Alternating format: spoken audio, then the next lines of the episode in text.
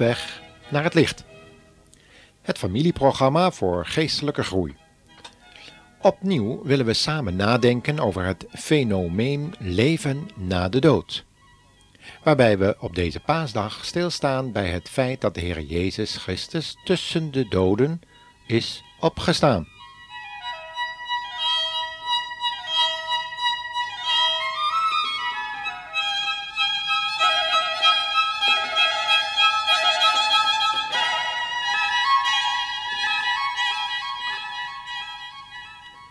Het thema voor vandaag is het lege graf. Het was paaszondag, vroeg in de morgen. De Oegandese predikant Keva Sempangi keerde na de ochtenddienst naar huis terug. Onverwacht bemerkte hij dat een vijf man sterke bende hem vanuit een hinderlaag trachtte te overvallen. We gaan je doden, zei de leider. Wanneer je nog iets te zeggen hebt, zeg het dan voor je sterft. Keva begon te trillen. Ze hoeven mij helemaal niet te doden, dacht hij. Maar op dat moment, zo herinnert hij zich, hoorde hij een stem die van heel ver af klonk in zijn gevoel. Ik stond helemaal versteld toen ik doorkreeg dat het mijn eigen stem was. Hij hoorde zichzelf tegen de bendeleider zeggen: Ik hoef niet voor mezelf op te komen. Ik ben reeds een dood mens. Mijn leven is gestorven en verborgen in Christus. Niet mijn leven, maar dat van jullie is in gevaar, want jullie zijn dood in jullie zonde. Ik zal God bidden dat Hij jullie, nadat jullie mij gedood hebben, zal sparen voor de eeuwige verdoemenis. De leider kwam op Keva af. Zijn gelaatsuitdrukking was volkomen veranderd. Wilt u nu voor ons bidden? vroeg hij. Dat was het keerpunt. Alle vijf de bendeleden zijn nu leden van Kefa's gemeente.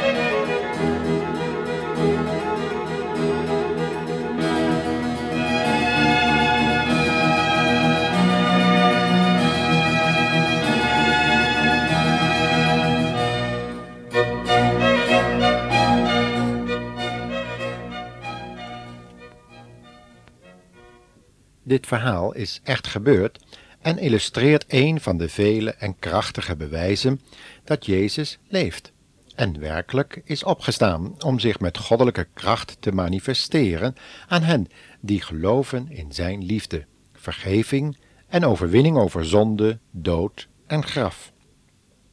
Opnieuw is het vroeg in de morgen. Drie vrouwen liepen met gebogen hoofd een graftuin binnen. Er speelde zich heel wat in hun gevoelsleven af op dat moment. Het was allemaal zo wonderheerlijk geweest. Al hun hoop hadden ze op deze ene man gevestigd. Een man die hun hele leven zo radicaal veranderd had en hun de moed gegeven had om het leven opnieuw aan te durven. Liefde hadden ze gezocht, maar nooit waren ze hierin geslaagd. Integendeel, en toen waren ze deze bijzondere profeet tegengekomen. Heel hun denken was door deze ontmoeting veranderd, vernieuwd, beter gezegd. Naar lichaam, ziel en geest waren ze gezond geworden, en nu bestond hun leven uit dienen, zoals hij dat gedaan had. Bedroefd naderden ze nu echter het nieuwe graf. Ze zagen het al van verre, want een zware, ronde steen was door enkele sterke soldaten voor de ingang gerold. Hun zorg was hoe ze als zwakke vrouwen zo'n zware steen zouden kunnen wegrollen. Wellicht kon de tuinman hen helpen als het wat lichter begon te worden. Nu konden ze alvast hun specerijen bij elkaar leggen en alles in gereedheid brengen om het dierbare lichaam van hun heer te balsemen. Ze hadden er alles voor over gehad. Dat had een van hen al eerder laten zien toen ze dat pond kostbare naardes over het hoofd en de voeten van Jezus had uitgegoten.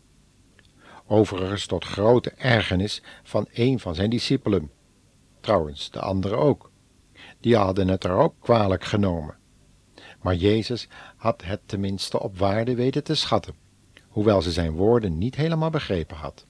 Hij had gezegd: Zij doet dat als voorbereiding van mijn begrafenis. Nee, helemaal begrepen ze zijn woorden niet.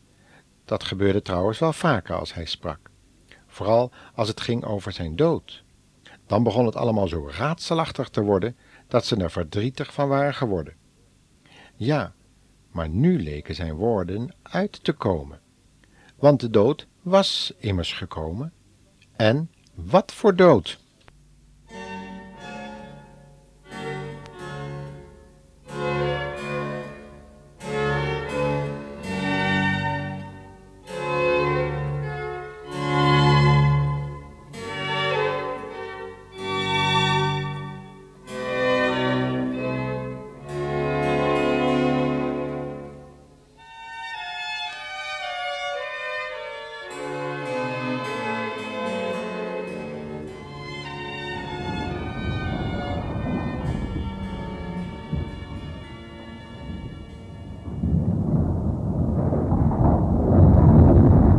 Plotseling beefde de aarde en de grond golfde onder de voeten van de vrouwen, maar ook onder die van de soldaten die bij het graf op wacht waren gezet. Een felle bliksemflits zette de hele omgeving in een bovennatuurlijk licht, dat feller dan het licht van de zon leek. Een schitterende gestalte zette zich op de plotseling weggerolde steen, terwijl de soldaten doodsbleek op de grond waren gevallen om daarna zich op te richten en hard weg te rennen. De drie vrouwen echter lieten zich niet door de schrik overmeesteren en bemerkten dat de engelengestalten hen aanspraken. Vriendelijk werd hun gevraagd wat ze eigenlijk bij een leeg graf zochten. Want hij die ze zochten was er niet meer in.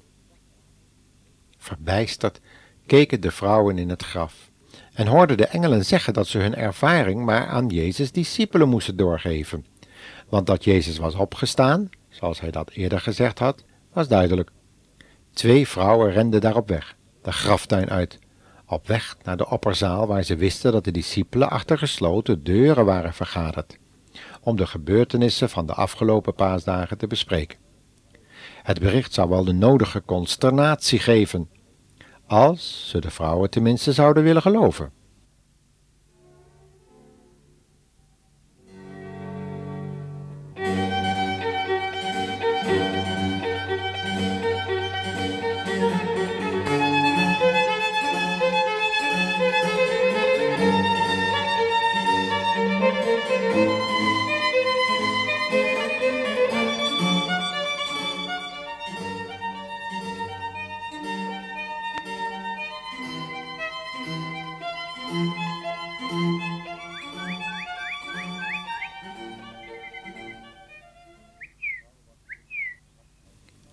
Eén vrouw was echter in de graftuin achtergebleven.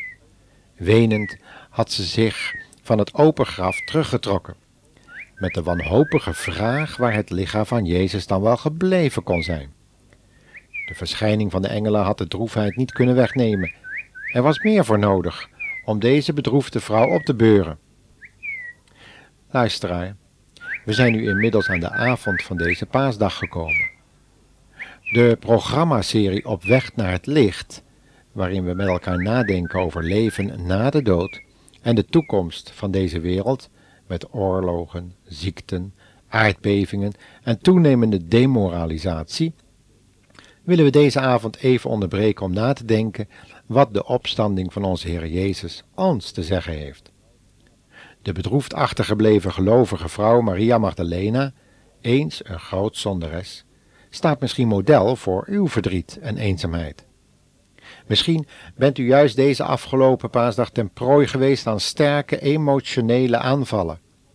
En werd u herinnerd aan de dood van uw eigen geliefde, die u juist in deze feestdagen zo graag om u heen had gezien. Iedereen komt op zo'n punt in het leven. Een kruispunt, waarin het leven u even te veel lijkt te worden. In deze uitzending, biddend gemaakt, speciaal voor deze paasdag, ontvangt u de troostende boodschap van het volle evangelie. Het evangelie van de opstanding van onze Heer Jezus Christus. Jezus Christus is Heer. Hij is werkelijk dood geweest, maar hij leeft en heeft krachtig bewezen Gods zoon te zijn door tussen de doden uit op te staan. En hij heeft u zo lief dat hij zijn leven voor u over had en ook uw zonden wilde wegdragen in een zee van vergetelheid.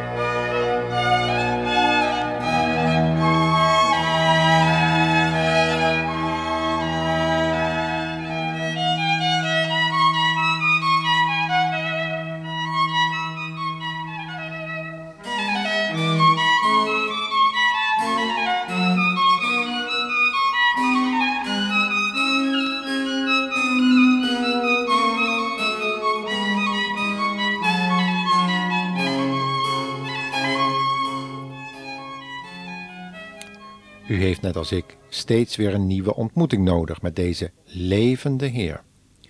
Aan het kruis van sommige christenen hangt nog steeds een dode Jezus, die nog niet tot Heer en Christus gemaakt is door de opstanding uit de dood. Als Jezus nog zo aan het vloekhout der schande zou hangen, zoals veel plaatjes en oorhangertjes willen doen geloven, dan waren we allemaal nog in onze zonden en voor eeuwig verloren. Daarom moeten we onze blikken maar van al dat zichtbare zilver en goud afwenden en onze ogen richten naar omhoog, waar Stefanus de levende Heer Jezus zag, zittend in de troon, en bij elke gelegenheid dat er een gelovige sterft, staat hij ter rechterhand Gods om deze in het Vaderhuis binnen te leiden en aan God de Vader voor te stellen. Hoe dit precies zal gaan, daar hebben we weinig informatie over. God heeft dit geheim tot nu toe verborgen gehouden.